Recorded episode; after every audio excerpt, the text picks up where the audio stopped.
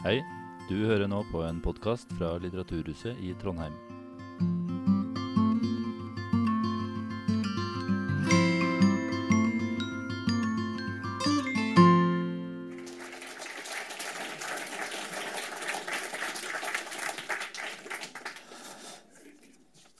Ja, velkommen da til denne kvelden med Atle Grønn.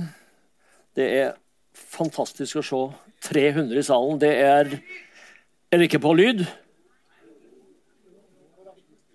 Eh, hallo, er det bak der nå? Ok, ja vel.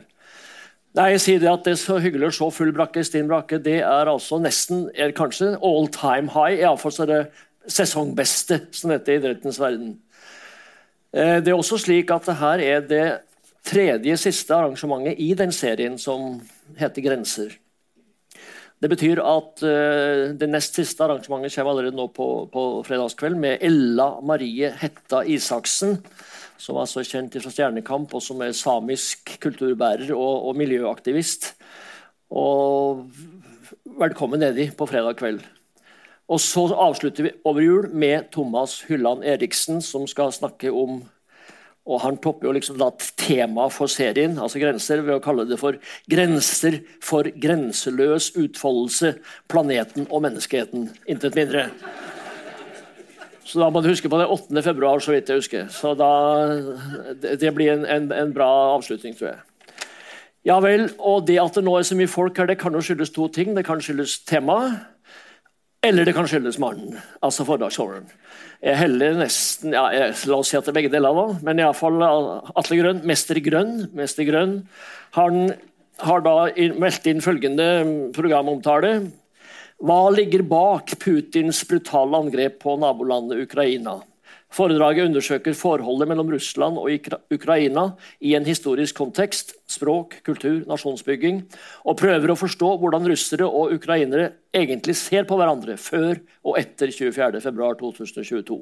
Hva betyr Putins denazifisering? Hvordan fungerer propagandaen? Hva tenker den russiske og ukrainske intelligensiaen, eller den vanlige mann og kvinne i Murmansk og Odessa? Foredraget vil ha både et mikroperspektiv for eksempel, på f.eks. russiske og ukrainske sjakkmestere og forfattere, og et makroperspektiv på nasjonen, folket og dets ledere. Atle Grønn er altså da professor i russisk, internasjonal mester i sjakk, sjakkforfatter og ikke minst NRK-kommentator. og det, det, De kjenner jo fra utallige etter hvert sjakksendinger på NRK. Du er hjertelig velkommen. Vær så god.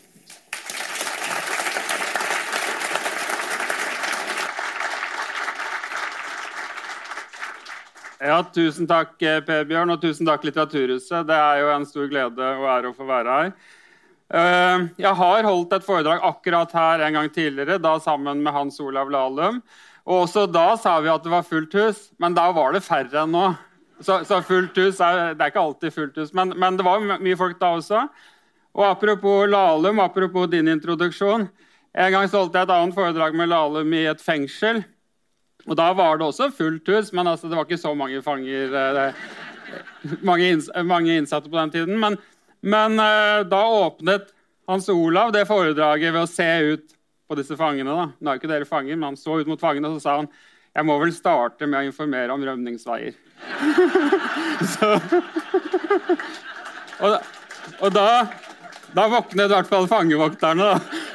Så, men uh, vi har et uh, alvorlig tema, og jeg håper at det blir interessant og morsomt av og til. Og jeg håper ikke det blir morsomt hele tiden, for da har jeg, da har jeg misforstått litt og da har jeg feilet litt. Uh, vi har et alvorlig tema, og ordene jeg bruker her, er viktige. Så språket blir viktig. Eh, det er et vanskelig foredrag. Og jeg, hvis det går dårlig, så kan jeg ikke kokettere med at jeg var ikke forberedt. Jeg gadd ikke forberedt meg. Jo, for jeg er forberedt. Jeg er veldig godt forberedt. Jeg har tenkt mye på akkurat hva jeg skal si. Um, og så får se, vi se om jeg klarer å stokke ordene. Bare for å ta én liten ting, da. Uh, I begynnelsen av krigen, da jeg holdt det første Ukraina-foredraget, så var jeg veldig opptatt av å snakke om Putins krig. Nå er jeg litt usikker på om det er riktig term. Fordi det viser seg at det er jo et helt apparat rundt han. Og det viser seg til og med at store deler av folket støtter krigen, så er det Er vi for snille mot Russland ved å kalle det Putins krig? Bør vi kalle det Russlands krig? Eh, mange sånne problemstillinger dukker opp, og foredraget vil, eh, vil vise kompleksiteten i dette her. Eh, foredraget vil ikke vise at dette her er to sider og litt eh, feil på begge sider osv. Nei, det vil de ikke vise.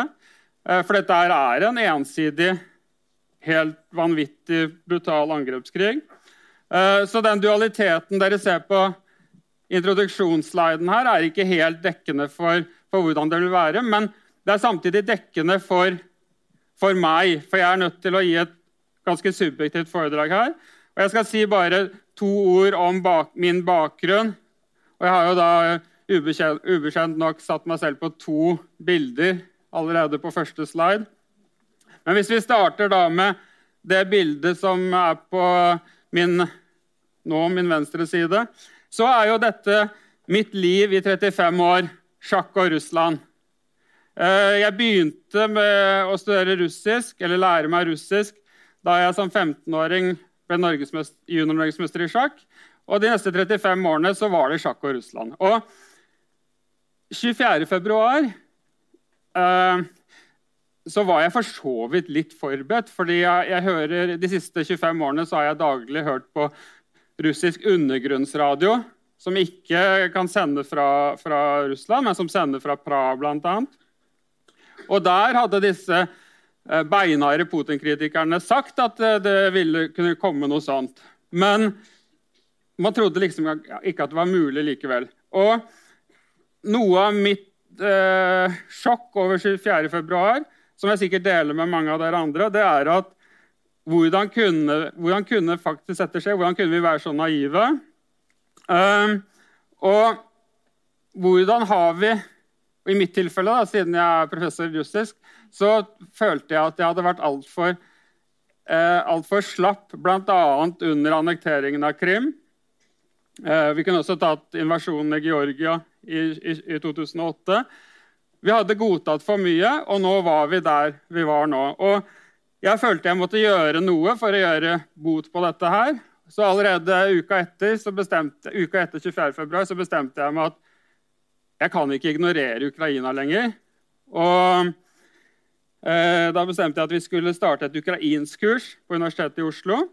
Og dermed så fikk jeg da Natalia Zjitova, som ble eh, den eh, lærerressursen vi tok inn for å gjøre dette praktisk. Og, og, i praksis, og jeg organiserte dette kurset da, og begynte å lære selv også ukrainsk. Men i Så det var ukrainsk. Så jeg har, så, så, og det er De neste månedene så har jeg eh, lest og prøvd å forstå Ukraina på alle mulige måter, også språket. Um, jeg sier at vi må være veldig forsiktige med hvilke ord vi bruker. Et ord som man ikke lenger kan bruke, det er at i dag skal vi prøve å forstå Russland.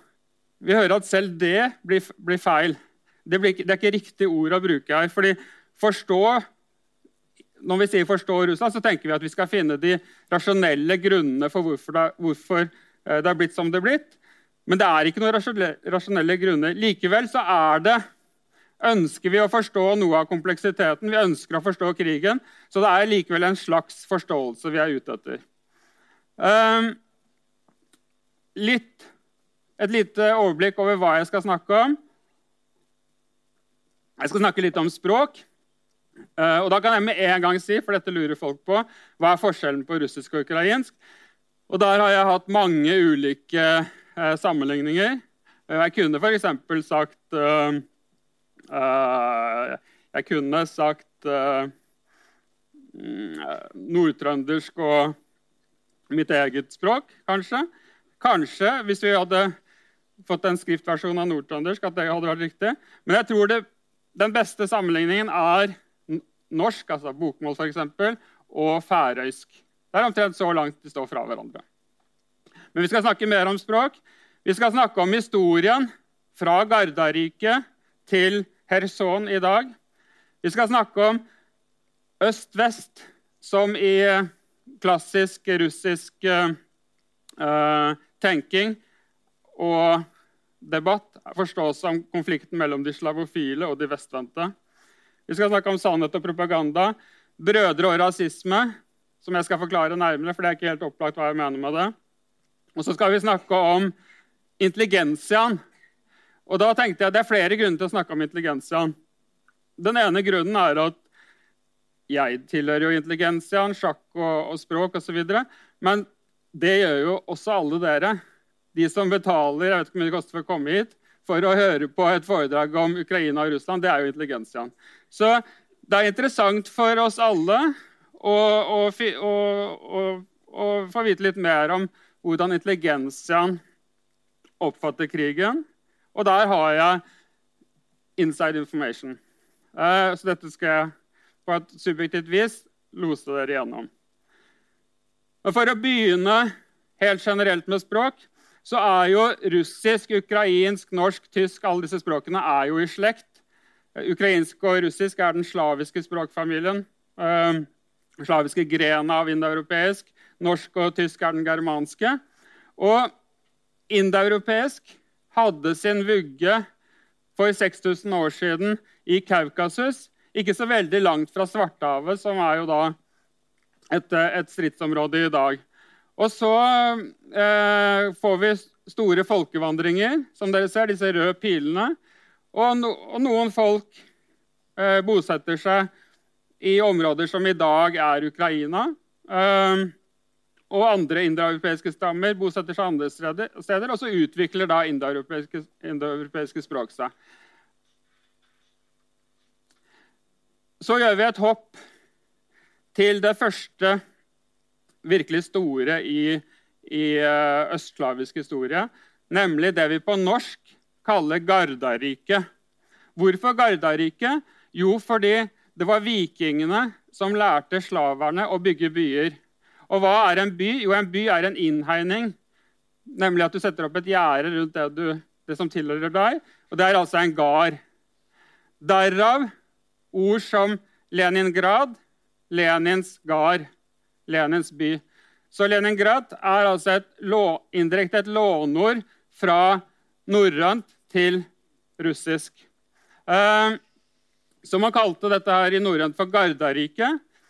I Slaverne kalte dette for, for, eh, for eh, Kievskaja Rus. Kiev Rus. Og allerede nå er det livsfarlig. For så ville det vært helt fatalt av meg å si Kiev-Russland. Det kan jeg i hvert fall ikke si. For hva er Kiev-Russ? Eh, hvor kommer ordet russ fra? Hvor kommer ordet Russland fra? Russland, tro det eller ei, det er et, eh, opprinnelig et finsk ord. Fordi hvis vi ser på kartet her, så ser vi at vi har Finland helt øverst eh, til venstre der. Og så har vi eh, Finskebukta og Østersjøen. Og finnene de satt og så på at vikingene rodde over Østersjøen til dette røde området. Og på finsk så Det å ro, en roer på finsk, det er rotsi. Og finnene tenkte at disse menneskene som ror, disse vikingene som kommer for å styre dette svære, røde eh, området her, det er jo da det er den styrende klassen som må, må få, man må oppkalle stedet etter. Ergo så ble det Ros. Så Ros hadde ingenting med slaver å gjøre, men det var den styrende klassen. For det var vikingene som lærte slaverne å bygge, å bygge, bygge byer. Og det var vikingene som ble fyrster, prinser og prinsesser i dette riket. Så f.eks. en prinsesse som Olga, prinsesse Olga, som var den første som lot seg døpe til kristendommen. Olga, hva er det for noe? Jo, det er Helga. Eh, prins Igor, hva er det for noe? Jo, det er Ingvar. Ikke sant? Alle disse eh, Vladimir, Volodymyr, det er Valdemar. Alle disse slaviske navnene har norrøn opprinnelse. Så, og det er faktisk eh, eh Det høres ut som jeg står her og skryter og at det er sånn norsk patriotisme og Klæbo og sånn. Det har ingenting med det å gjøre. Fordi selv, selv, eh, selv eh, slaverne, selv russerne og ukrainerne er enige om det jeg sier nå. Så det er ikke, akkurat dette er ikke kontroversielt. Det er likevel litt underkommunisert, fordi i sovjetperioden så likte ikke Sovjet å snakke om det. Men det er, det er ikke mulig å snakke seg bort fra det. Um, det som derimot er veldig kontroversielt, det er jo statusen til Kiev. Og skrivemåten har vi jo endret. Vi har begynt å skrive den på ukrainsk vis. Kyiv. Uh, på russisk så sier de Kiev. På ukrainsk er det Kyiv. Så det er litt uh, ulik uttale. Vi velger nå ukrainsk skrivemåte. Men hva er egentlig Kiev på 900-tallet? Mm. Ukrainske historikere vil si at det var ukrainsk. Eh, russiske historikere Putin vil si at det var russisk. Ingen av delene gir særlig mening, eh, men det er ikke mulig å si at eh, noen har rett i det spørsmålet der. Så dette var østslavisk på det tidspunktet. Det som derimot er helt uomtvistelig, og som er slått fast av den fremste russiske språkhistorikeren Zalizniak, det er at russisk språk har sitt utgangspunkt i Novgorod-dialekten. Og Novgorod-dialekten Novgorod var en veldig viktig by på dette tidspunktet. Og det var faktisk den første byen som ble styrt av vikinger, nemlig av Rjurik, som også var en vikingkonge. Og Rjurik-slekten, som starter her allerede på 800-tallet, eh, holder makten i Russland fram til, fram til eh, Ivan den grusomme dør 700 eh, år senere. Så det er Rurik-slekten, eh, vikingkongen Rurik, som starter i Novgorod. Og russisk språk har sitt utgangspunkt her. Novgorod og Kiev var i konkurranse. Kiev ble etter hvert viktigere og viktigere, og ble så viktig eh, at, det var, at det fikk nærmest en religiøs betydning, da også for russerne. Fordi prins Volodymyr Eh, som er det, da, det ukrainske navnet. På russisk så sier du Vladimir, sånn som Vladimir Putin. Han velger kristendommen i 988. Uh, eh, han skjønner at uh, de trenger en religion, en statsreligion. Uh, han vurderer islam, men dette alkohol alkoholforbudet bød ham imot, så det var utelukket. så ser han mot Roma. Han vurderer også jødedommen, men slår det, slår det fra seg. Ser mot Roma, ja, greit nok. Men så ser han da mot Konstantinopel, og der er det så mye gull og prakt at han ender opp med Østkirken, og altså det vi i dag kjenner som ortodoksien. Dette her blir viktig fordi det er fascinerende hvor tett kirke og stat er i Russland og har vært hele veien, også i sovjetperioden. Det er helt utrolig Jeg vet ikke hvor mange teologer og geistlige det er her i dag. Men, men eh, f.eks. under annen verdenskrig i Norge så hadde vi jo et opprør i kirken. Det er helt utrolig hvordan de geistlige og teologene i ortodoksien aldri gjør opprør mot makta. Så de går alltid hånd i hånd, også i sovjetperioden. Eh, men vi ser det jo helt ekstremt nå med, med Putin og patriark Kirill.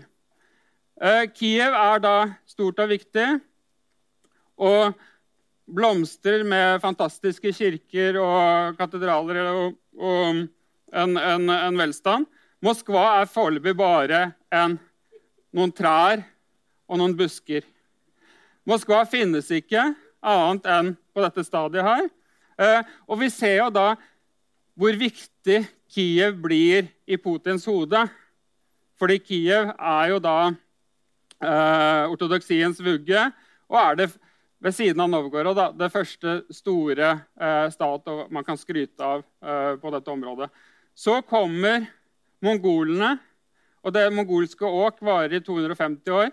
De slakter ned, eh, de slakter ned Kiev fullstendig. Så Kiev forsvinner omtrent, utslettes.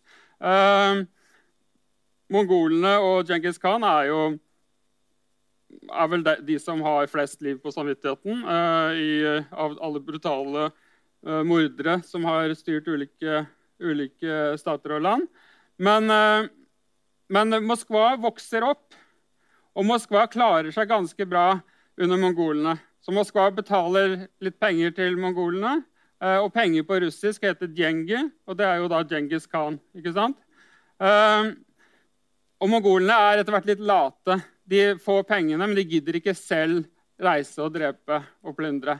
De nøyer seg med at folk eh, sender penger. Jeg hopper over mongolene. Men mongolene varer jo da til, til varer et par hundre år. Men jeg vil ta en liten parentes. Fordi nå i dette Sentral-Russland, hvor Moskva vokser opp som viktigste, det viktigste sentrum, så utvikles det vi kaller ikonkunsten. Og den mest kjente ikonkunstneren er Andrej Rubljov. Og jeg er virkelig ingen teolog. Jeg har virkelig lite peiling på dette. her. Men det jeg skal si nå, er i hvert fall en tanke jeg har gjort meg, men som også noen andre har gjort seg. Så det det er, jeg tar det ikke helt ut av ingenting. Men disse ulike variantene av kristendommen. Ok, La oss ta protestantismen. Det fokuserer på Jesus blant menneskene. Ergo så er vi eh, protestantiske land veldig opptatt av menneskerettigheter. og sånn. Eh, katolisismen de fokuserer på å prøve å forklare mirakler. De, og de skal forklare det med det som står i Bibelen, i teksten. Så de er veldig opptatt av, av uh, å krangle om teksten. Hva er det ortodok de ortodokse er? De er ikke opptatt av teksten. Det. De er opptatt av å tilbe ikoner. De er opptatt av disse bildene her. Det er disse bildene som er hellige for de ortodokse, ikke Bibelen, ikke teksten. Og En sånn tanke som jeg da gjør meg, og som andre også har gjort seg, er at kan dette forklare hvorfor sannhet og kritisk tenkning og sånne ting eh, utfordres, for å si det mildt, av et regime som det vi ser i Russland nå. Altså, det, det, er så mye løgn som kommer ut av det regimet, og det betyr ingenting. Så kan man si at eh, Trump gjør det samme. Ja, det er, men, men, altså, men, det er en, en sjokkerende mangel på sannhet. Altså, Hitler sa jo at han skulle ta jødene, og han gjorde det.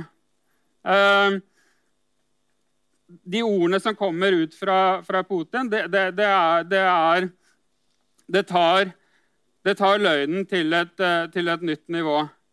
Eh, på denne tiden her så skjer det noe veldig interessant som jeg er sikker på at mange av dere har glemt. Kanskje aldri visst, for det er ikke noe jeg tror jeg lærte på norsk skole. Men hva er det største landet i verden på denne tiden her? Det er Litauen. Lille Litauen er verdens største land. Uh, Litauen dekker på dette tidspunktet Storfyrstedømmet Litauen dekker på dette tidspunktet det som i dag er Ukraina, men dekker også det som i dag er russiske byer som Bjelgorod og Kursk osv., Smaljensk. Um, og så ser vi at Polen er ganske lite, men Polen har i hvert fall Lviv. Og Polen har adel. Det er viktig. Ukraina hadde aldri adel. Forskjellen på Polen og Ukraina dette er noe jeg improviserer nå, det er sånn som Norge og Sverige. Sverige har adel, Polen har adel. Norge og Ukraina har aldri adel. Men i hvert fall, det er Litauen som, som gjelder nå. Uh, og så kommer vi da til Ivan den grusommes død i 1584. Og etter legenden så døde han under et sjakkparti. Det er en viktig legende da, i, i mitt liv. Uh, og en av de første Uh, første eksemplene på at sjakk spiller en stor rolle. Muligens var han myrdet av høyadelen, bojarene Bariska Donov, som, uh, som Pushkin har skrevet en opera om. Men uansett, han dør. Og så har Ivan den grusomme han har gjort en vanvittig tabbe. Han hadde noen barn, noen sønner. Han hadde noen sønner som, var, som ikke kunne brukes. Men så hadde han én sønn som det var tak i. Hva var det Ivan den grusomme gjorde med den sønnen? Han drepte ham under en krangel. Det er jo i seg selv forferdelig, men det bryter arverekken, og det bryter eh, Rorik-rekken. Det fins ingen arvinger i Rorik-dynastiet. Hva gjør man da?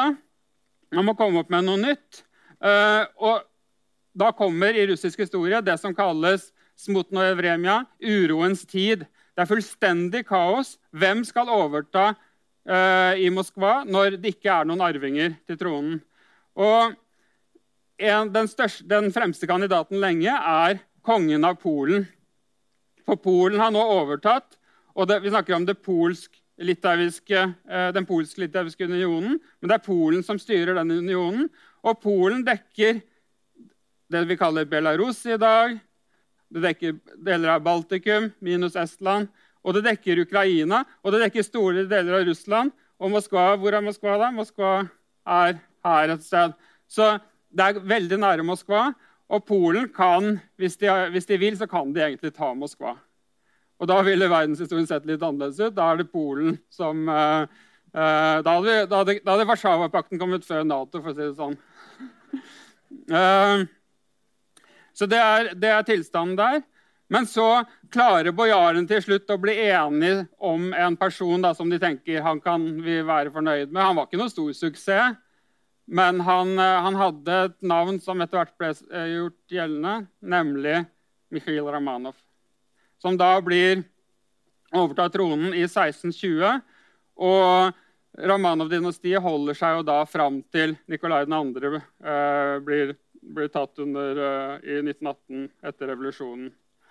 Eh, under det russiske imperiet, under disse Romanovene, med Peter den store, Katarina den store og en, selvsagt en veldig fascinerende historie, så ekspanderer jo Russland først og fremst mot det vi i dag kaller Asia.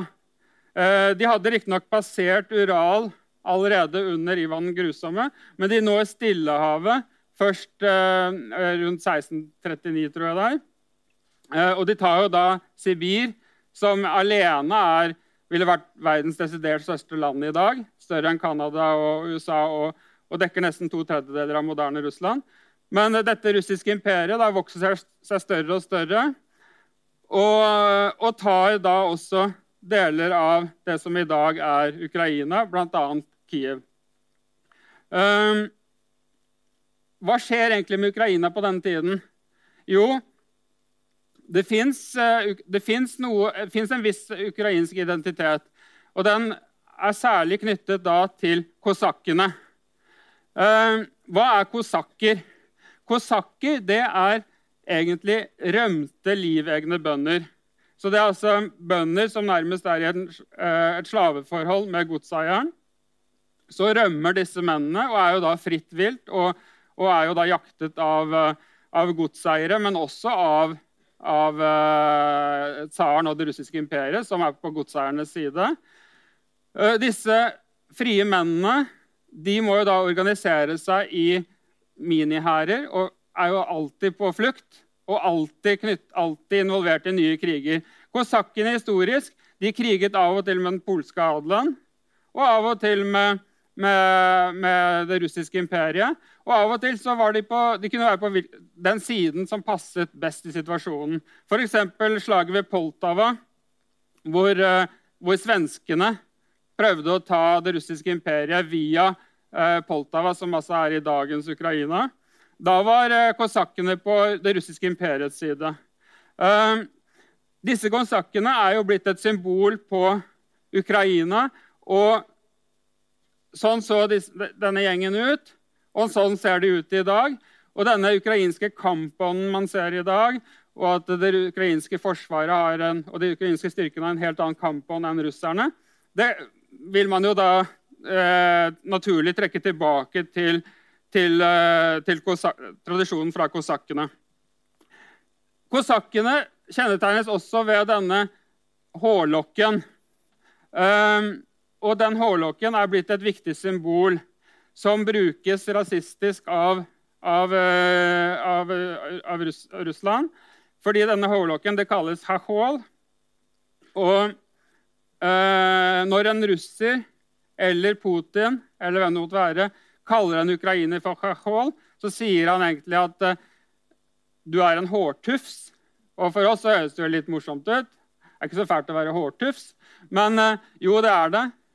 Fordi Ukraina er eh, i dag Europas nest største land geografisk. De vil ikke være en hårtufs. Ehm, så det er, og det er alltid bevisst rasisme når man kaller en, eh, en ukrainer for en hårtufs.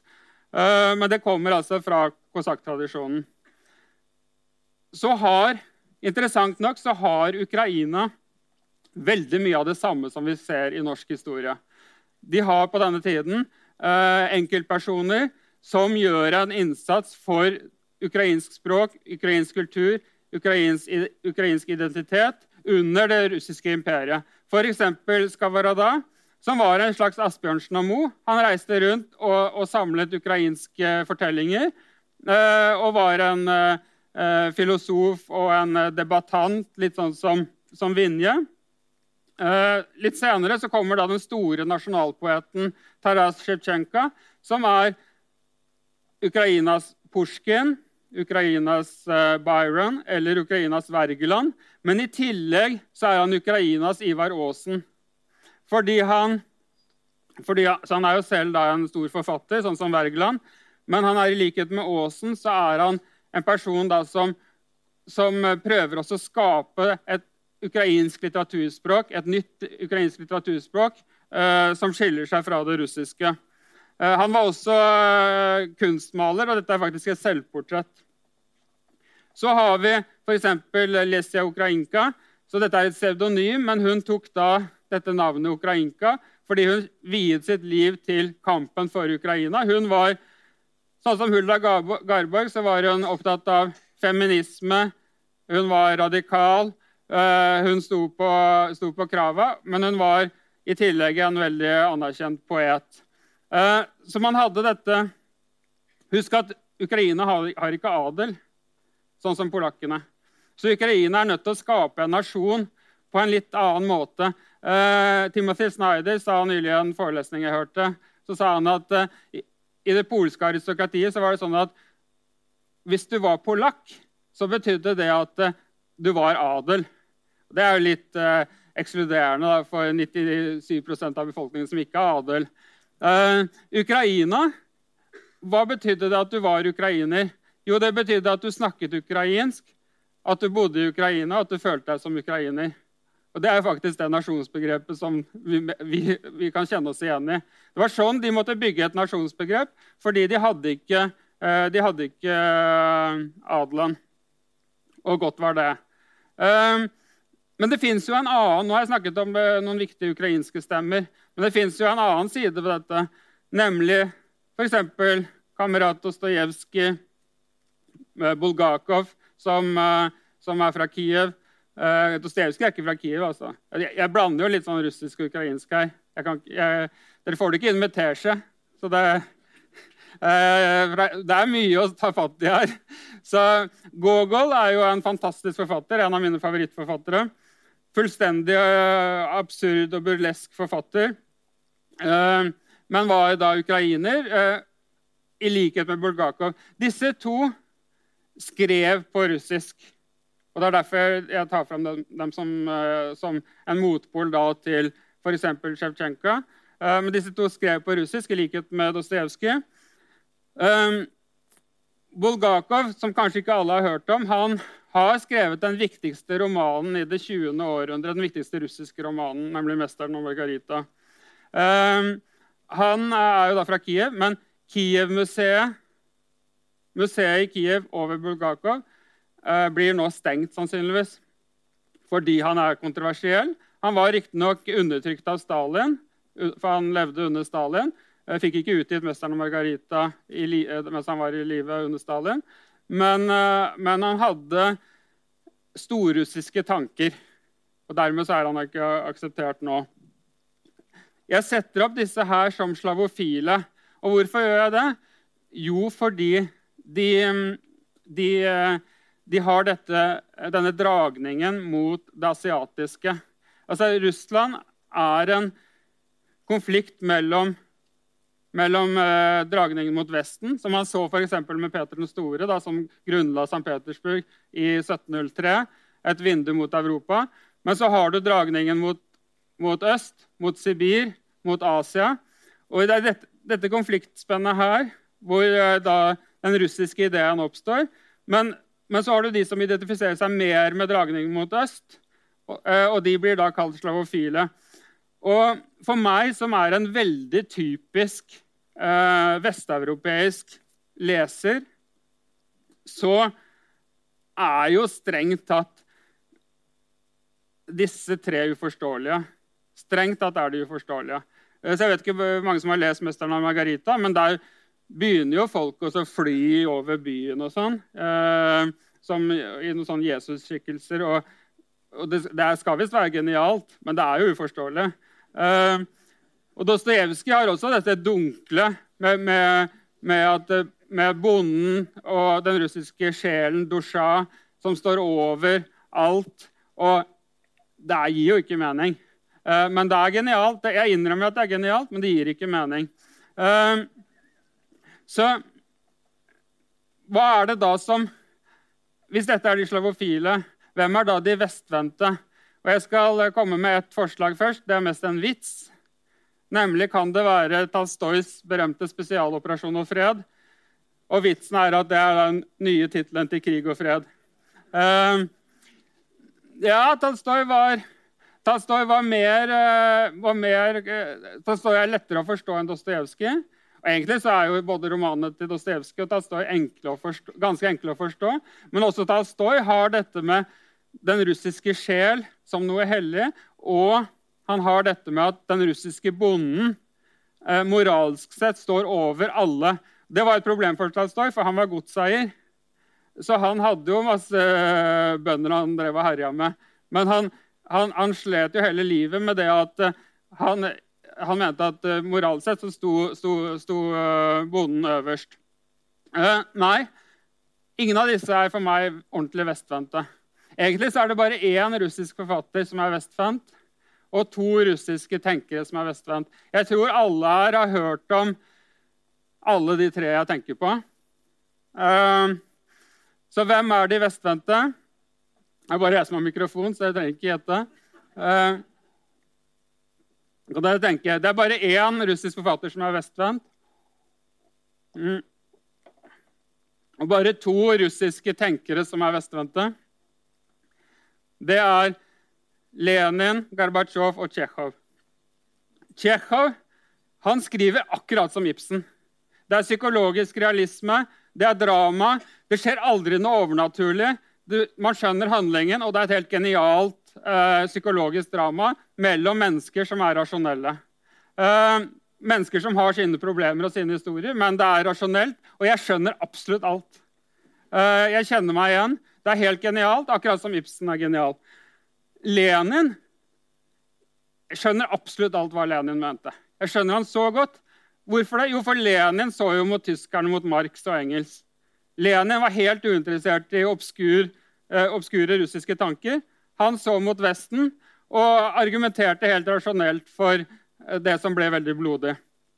Eh, så den siste kameraten der, Gorbatsjov, han er jo den eh, vi alle elsker fordi vi skjønner ham. Han var rasjonell. han var sånn så, han, og så Etter hvert så eh, meldte han seg inn, ikke akkurat i Nidaros, eh, et eller annet, men han ble sosialdemokrat. Eh, så han er akkurat sånn som oss. Eh, og det gjør at de, en, de, disse er krystallklare. Det har aldri kommet en dunkel setning fra Lenin, Gorbatsjov eller Tsjekhov. Uh, så dette er da en tradisjon som jeg vil si at i dagens Russland har tapt. Det er en annen Nå, går jeg litt tilbake til det ukrainske. Fordi de, ukrain, de, tidligere ukrainske heltene jeg har snakket om, er uomtvistelige helter. Men så har vi da Stepan Bandera, som er vanskelig. Uh, før krigen så var jeg overbevist om at Bandera var en fascist og en drittsekk. Uh, jeg er litt mer usikker, faktisk. Han, eh, han, eh, han brukes jo i, aktivt i propagandaen til russerne uh, det, om at ukrainerne er fascister fordi de har statuer av Bandera. Bandera uh, satt i tysk fangenskap under krigen. Han nektet å samarbeide med tyskerne. men han var en beinhard ukrainsk nasjonalist i den forstand at han, han hatet Stalin og russerne. Sånn som mange i vest, altså Baltikum, Polen, gjorde. Eh, så når eh, tyskerne kom, så var det å velge mellom to onder. Og i alle år så har jeg tenkt at de måtte da for Guds skyld ikke velge Hitler, og det mener jeg fremdeles. Men, men likevel så er det litt komplisert. Jeg, han, han, nektet tross alt å samarbeide med tyskerne under krigen, uh, selv om han utvilsomt var, en, var beinhard. På russisk side så har vi i dag f.eks. Dugin, som er en helt ubrukelig professor i, i sosiologifilosofi. Uh, og som er en klar fascist. Uh, klar fascist. Og jo, han mistet da datteren sin, som også var en klar fascist, i et attentat. Uh, men har dere lagt merke til og dette, jeg, jeg, sier dette med kjærlighet også til Russland, fordi jeg elsker, elsk, elsket uh, Russland gjennom 35 år. Og jeg har, har viet store deler av livet mitt til Russland. Men har dere lagt merke til at uh, Russland ikke har en eneste kjent filosof? De kjente tenkerne i Russland, det er forfatterne. Dostojevskij osv. Okay, Dostojevskij er en helt genial forfatter, men det er ingen kjente filosofer fra Russland. Uh, og, og det, han, det, han, kaller filosofi, det er bare fascistisk svada. Uh, så det er en digresjon. Det kommer flere digresjoner. Uh, sånn uh, Dette er litt forvirrende, men i, under eh, de russiske tsarene så tar man da ulike deler av Ukraina. Uh, og så skjer det ulike ting senere også. Og en viktig ting etter borgerkrigen, når borgerkrigen er over i 1922 i, Fra revolusjonen til borgerkrigen så er jo Ukraina faktisk fritt. Så de har et vindu da på fire-fem år, hvor de kan prøve å skape sin egen stat. Fordi eh, eh Nikolai 2. abdiserer og blir senere drept. Og Sovjet er ikke på banen ennå. Eh, og de hadde en sjanse der. Og Lenin, når han innlemmer Ukraina i Sovjetunionen i 1922, så sier Lenin Lenin har, har for så vidt et ganske fornuftig program der. Han sier at uh, Ukraina er velkommen til unionen. Dere er også velkomne til å forlate den når dere vil. Stalin satt og murret litt allerede da. Uh, Stalin var folkekommissær for, uh, for de ulike republikkene. Og Stalin fikk sitt Ukraina-hat allerede i 1921. Fordi Stalin reiste da til Ukraina for å ta kornet deres. Og hva skulle han med kornet? Jo, han skulle, til, han skulle, få det over til Russland. Det var jo sult i Russland under borgerkrigen. Og dette er noe vi ser hele tiden i, eh, Ukra i ukrainsk-russisk historie at Russland skal ta kornet gi, nei, fra Ukraina og gi det til, Ukra til, uh, ta det fra Ukraina og gi det til Russland. Lenin støttet den ideen, så Lenin var, var, var beinhard. Eh, men Stalin la ukrainerne for hat da ukrainske bønder nektet å gi fra seg kornet på, eh, på 1921. Og så får vi da den veldig altså helt forferdelige hendelsen som kalles holodomor. Og holodomor betyr sultedøden. Og, og den verste, verste, verste holodomor-tiden er 1932-33, hvor opp mot 10 millioner ukrainere sulter i hjel. Uh, noen offisielle kilder sier fem, andre sier ti, så det er kanskje et sted mellom der. Uh, men allerede i 1921 så er det noen, eh, en del som, som, må lide og som dør. Og det samme skjer etter annen verdenskrig. Hva er ideen her? Jo, ideen, at, ideen til Stalin er at Ukrainas jord er faktisk fem ganger bedre enn den russiske jorden til å produsere mat. Uh, men de tar da så mye korn fra de ukrainske bøndene at de ukrainske bøndene har ikke korn til seg selv. Og det er en helt absurd situasjon at en bonde med så mye korn skal sulte i hjel. Det, er nesten ikke til å fatte hvordan det er mulig. Og man kan ikke se på det annet enn som en, en bevisst ondskap fra Stalins side mot ukrainere. Et hat mot ukrainere som kom veldig tidlig. Så skal jeg eh, si eh, noe som for dere som har levd en stund, er helt opplagt. Alle husker den kalde krigen. Nesten alle. Eh, og da hadde vi to ideologier kommunisme og kapitalisme, her representert ved bl.a. McDonald's, da, eh, som jeg fascinerende nok hadde, har de samme fargene, men et, en annen bokstav. Mm. Dette var jo sånn som jeg er oppvokst, og som jeg ser jo her at det er folk på min alder og eldre her, så mange husker dette. Jeg trenger ikke si så mye om det. Under, etter oppløsningen av Sovjetunionen i 1991 så får vi McDonald's her inne i T-banestasjonen. Eh, så det er bare toglokføreren som kan få seg noe mat der. Men det er nå så. Vi ser at Adidas også sliter litt. Eh, det går ganske jævlig med oppløsningen av Sovjetunionen. er en katastrofe og er et traume som plager, eh, plager russerne, og som bidrar til denne revansjismen man ser hos Putin. For dette var jo da under Jeltsin. Jeltsin overtar, og Jeltsin kjører landet i grøfta. Det er ytringsfrihet og en veldig spennende tid for meg å være i Russland og, og, og se russisk TV osv. Men det er en, en, vanvittig tid, og det går jævlig. Og så kommer da denne mannen, eh, blir president i 2000. Uh, Jeltsin tar han med i 1999 som president, nei, statsminister. Men da tenker man at det er bare én i rekken, fordi han er den fjerde eller femte statsministeren på ett år. Så, og han er grå og har en kjedelig bakgrunn fra KGB. Dette kan da ikke være noe.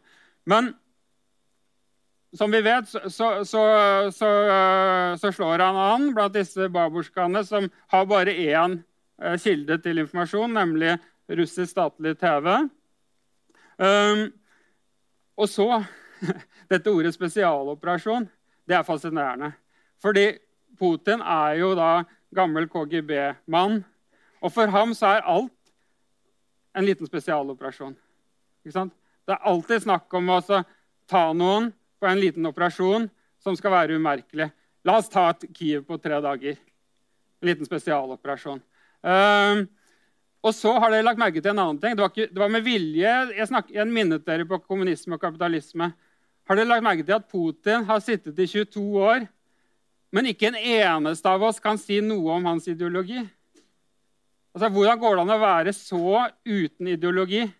Så det er, Men altså, KGB, den gjengen hans fra, fra gamle KGB i Leningrad og i Øst-Tyskland, den hadde ikke noe ideologi annet enn at eh, lojalitet til mafiagjengen.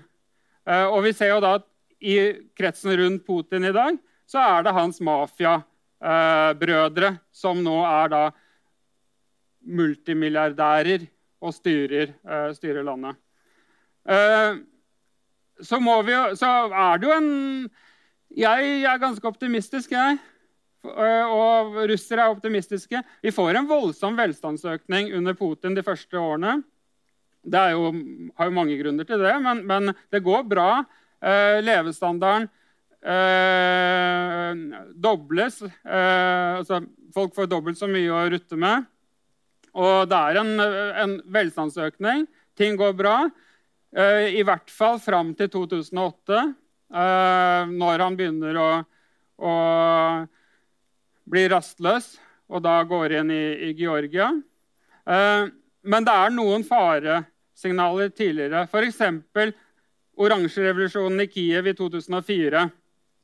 Presidenten Jusjenka har her vansiret ansikt. Hva var det? En spesialoperasjon. Det er sånn, Man trodde nesten ikke at det var mulig at Putin skulle blande seg inn og, og vansire ansiktet til nabolandets president? Jo, men det var en liten spesialoperasjon. Um, så oransjerevolusjonen, det var jo Ukraina hadde jo da vært selvstendig siden 1991.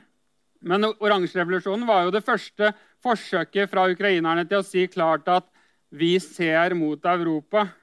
Vi ser vestover. Vi ser mot Polen og mot resten av Europa. Eh, og vi syns eh, mye av det som skjer i Europa, er, eh, er spennende og fascinerende. Dette irriterer jo russerne, for å si det mildt. Men vi kan se at dette her tar ulike former. Når invasjonen kommer 24.2 i år, så må de geistlige, så må patriarken, komme opp med en ideologisk forklar, eh, begrunnelse for invasjonen. Han går i tenkeboksen fordi patriark eh, Kirill, i likhet med andre, er jo sjokkert over at det skjedde, men han skal da forsvare Putin og komme opp med en eh, forklaring. Så tenker han så det knaker i to uker. Uh, og så kommer da den store talen til patriarken. Og det er noe av det pinligste jeg har sett. Vet dere hvorfor man måtte bombe Kiev? Fordi de har gayparade. Det var det patriarken hadde analysert seg fram til.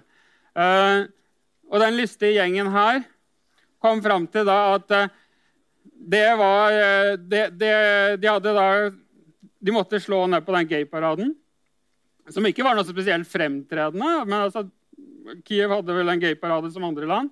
Og så hadde de faktisk også en sånn rosa satan her. Er, han, den rosa satanen der han vant 'Skal vi danse' i Ukraina i 2006. Det er Zelenskyj. Uh, så han symboliserer jo da på en måte alt russerne ikke liker. Uh, og så I tillegg er han jøde. Uh, og det er litt sånn Det brukes også mot ham. Jeg sa det ikke, men jeg kan minne dere på at Dostojevskij hadde jo et klart jødehat. Jødehatet dette har ingenting med dagens tema å gjøre, egentlig, men jødehatet er veldig jevnt fordelt i Øst-Europa. Så det er ikke sånn at uh, russere er mer, uh, mer antisemittisme enn baltere og polakker historisk sett. Kanskje i dag, men ikke historisk sett. Men, men jødehatet har dessverre alltid stått sterkt. Uh, og det brukes jo da mot Zelenskyj i dag, i tillegg til at han ser ut som en sånn en. så la meg si noe om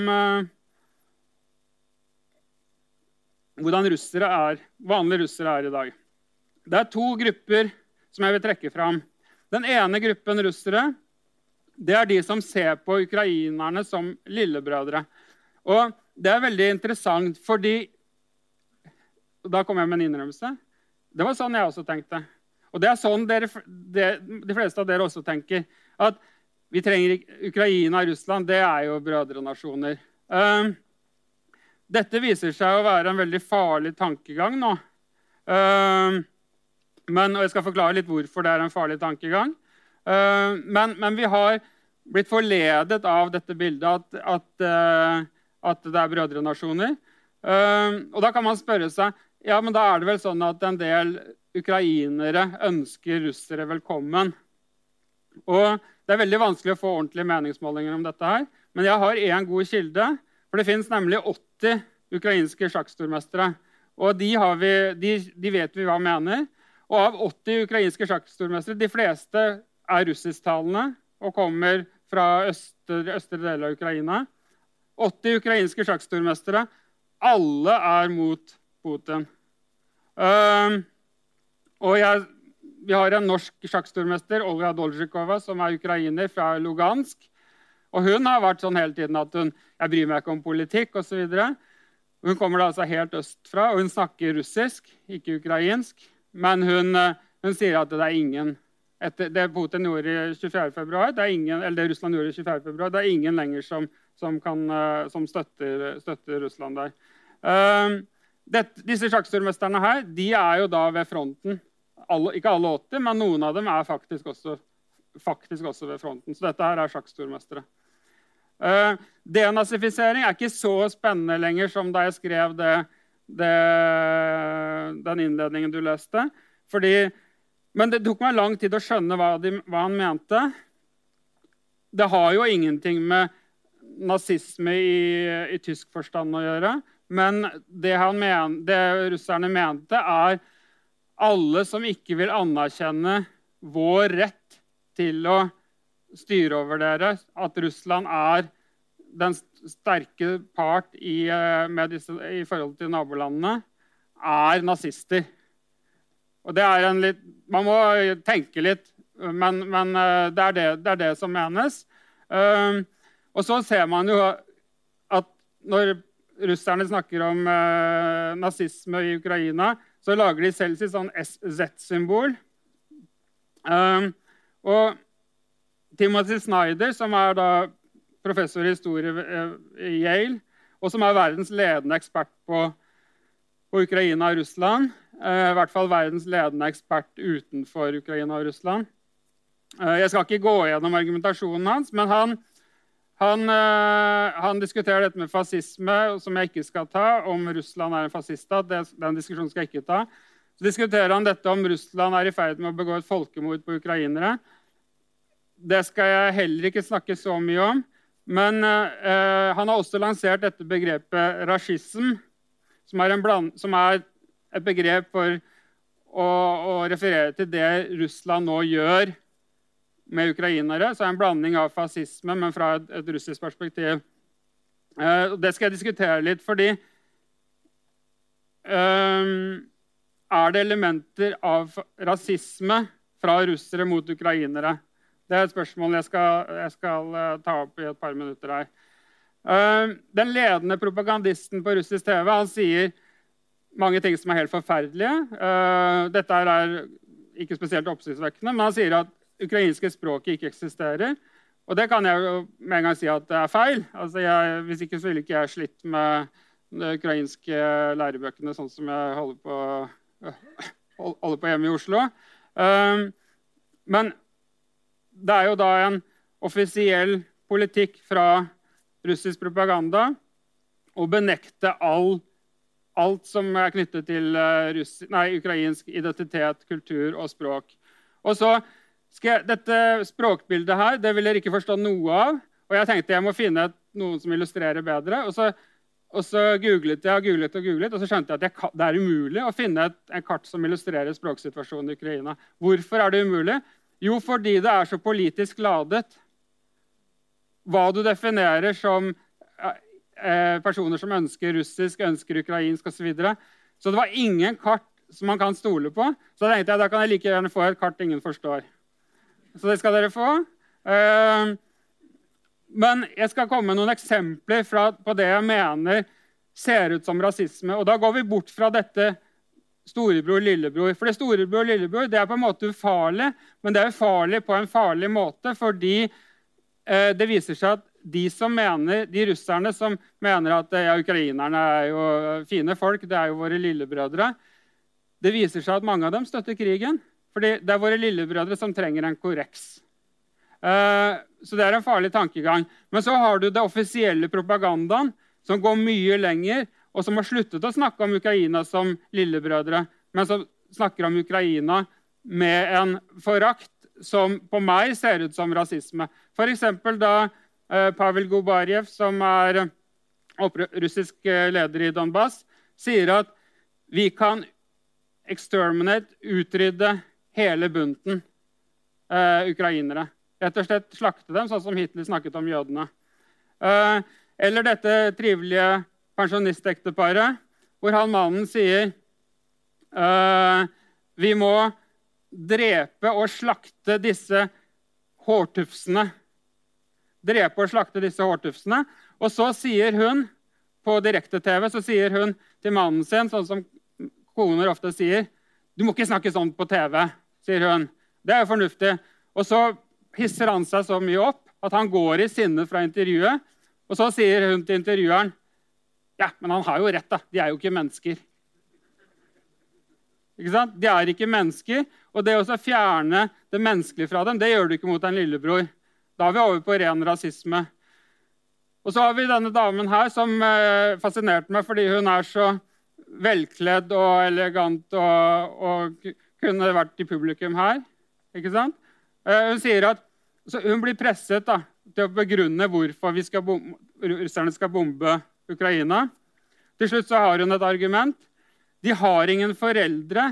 De har foreldre 1, 2, 3 istedenfor mamma. Det hun refererte til da, er jo at eh, du kan ha adoptivbarn eller et eller annet med likekjønnede foreldre osv. Det er noe sånt hun refererer til.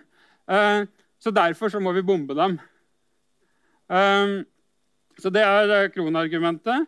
Um, så må jeg si litt om intelligensiaen. Og dette er mine venner. Min sjaks, han er sjakkstormester. Jeg er nødt til å anonymisere ham. Jeg har brutt kontakten med ham. Han har brutt kontakten med meg. Uh, han støtter Putin, han støtter krigen. Uh, en av mine aller beste venner. Uh, her er andre gode venner som ikke støtter krigen. Men jeg er nødt til å anonymisere dem, fordi jeg skal vise noe nå.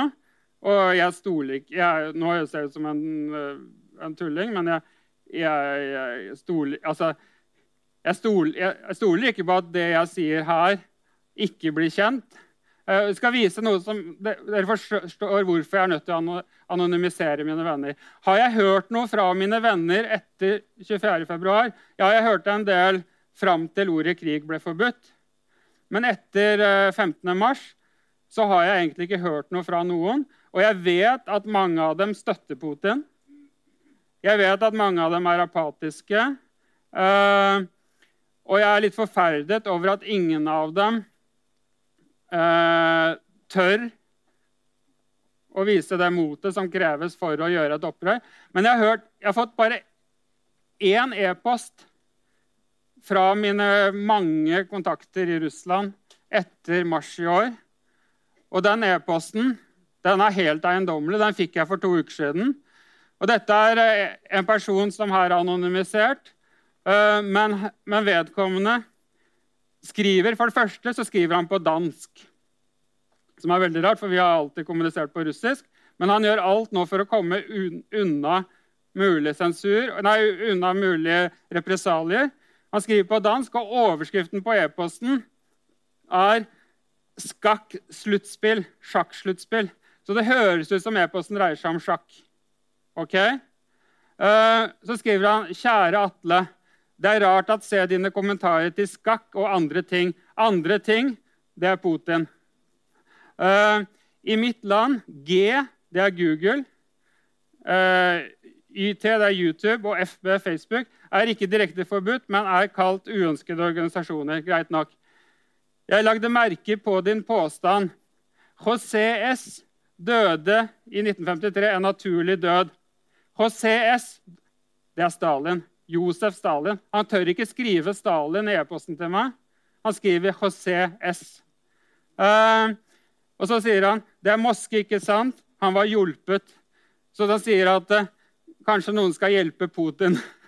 altså, men, men det, er, det er helt utrolig at man har kommet dit at uh, han, kan, han, tør ikke kommunisere på, med meg på annet vis. Synes, og Det er den eneste e-posten jeg har fått fra intelligensiavennene mine i i Russland eh, på et halvt år. Er det noe håp? Det fins jo noen tapre. Politkovskaja ble drept av Putin 2006. Eh, så har vi Kasparov, da, som kjemper selvsagt i, eh, har alltid kjempet mot Putin, men han, han er jo nå i utlendighet. hans kompis Nemtsov ble også myrdet av Putin i 2015. Kasparov sa i 2015, eller han skrev i denne boka her, 'Winter is Coming', så skrev han at de som sier at, uh, at Putin vil nøye seg med Krim, de tar helt feil. Hvis man lar Putin få forsyne seg av Krim, så vil han gå videre og ta resten av Ukraina. Uh, så dette skriver Kasparov, og, og er, uh, skriver han åpent i 2015. Annen, jeg hører på russisk undergrunnsradio, og der er det mange kritiske, gode stemmer. F.eks. Eh, han kameraten her, Viktor Sjenderovitsj, som her har tatt i en honningfelle. Så han er tatt på hotellrommet av FSB for å diskreditere ham.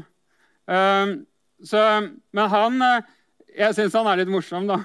For han bare Han, han stilte opp på den undergrunnsradioen dagen etter. han. Og bare, Han gadd ikke snakke om det engang. Ja, ja, ja, ja. Uh, så, så, den honningfellen biter ikke på, biter på Sjenderovic. Så hadde vi i mars 2022 Det ga meg håp. Marina Avsjanikova, som da Som da, da, da ødela direktesendt nyhets, nyhetssending på, på, på russisk TV da tenkte jeg nå får vi se noe. Og så ble det, kom ikke den bølgen protester som jeg håpet på. Men det kom noen. Og det kommer bl.a. disse eh, ikke nevn ordet krig-protestene, hvor folk sto opp med et hvitt ark, men ble fengslet. De sto opp med noen stjerner, ble fengslet. Og til slutt så sto de bare sånn, uten ark, og ble fengslet. Og til slutt så sto de sånn og ventet på bussen og ble fengslet. Eh, hvorfor står dere og venter på bussen? Hvorfor står så mange og venter på bussen? Eh, men man må si nå dessverre at eh, represaliene har lykkes. Det er ingen kritiske stemmer å høre lenger. Eh, for å ta en uh, sjakkspiller som faktisk turte å si noe, Daniel Dubov, kompis av Magnus, sa dette her til tysk presse eh, 31.3 i år. Det var modig. Eh, han har ikke turt å si noe etterpå, men skal, det var modig, for det var sent. Så, så, så, men, men eh, siste halvåret har det ikke skjedd noe. Den mest kritiske stemmen, Navalny, ofrer seg selv og er jo da dømt til døden i praksis i russisk fengsel. Får jo stadig verre soningsforhold. Og all grunn til å tro at eh, det går, kommer til å gå skikkelig ille. Uh, og da er vi der tilbake til dette ukrainske tilfluktsrommet, hvor, hvor denne jenta sitter og spiller sjakk mot en eldre mann. Og der er egentlig situasjonen. Så jeg stopper der. jeg.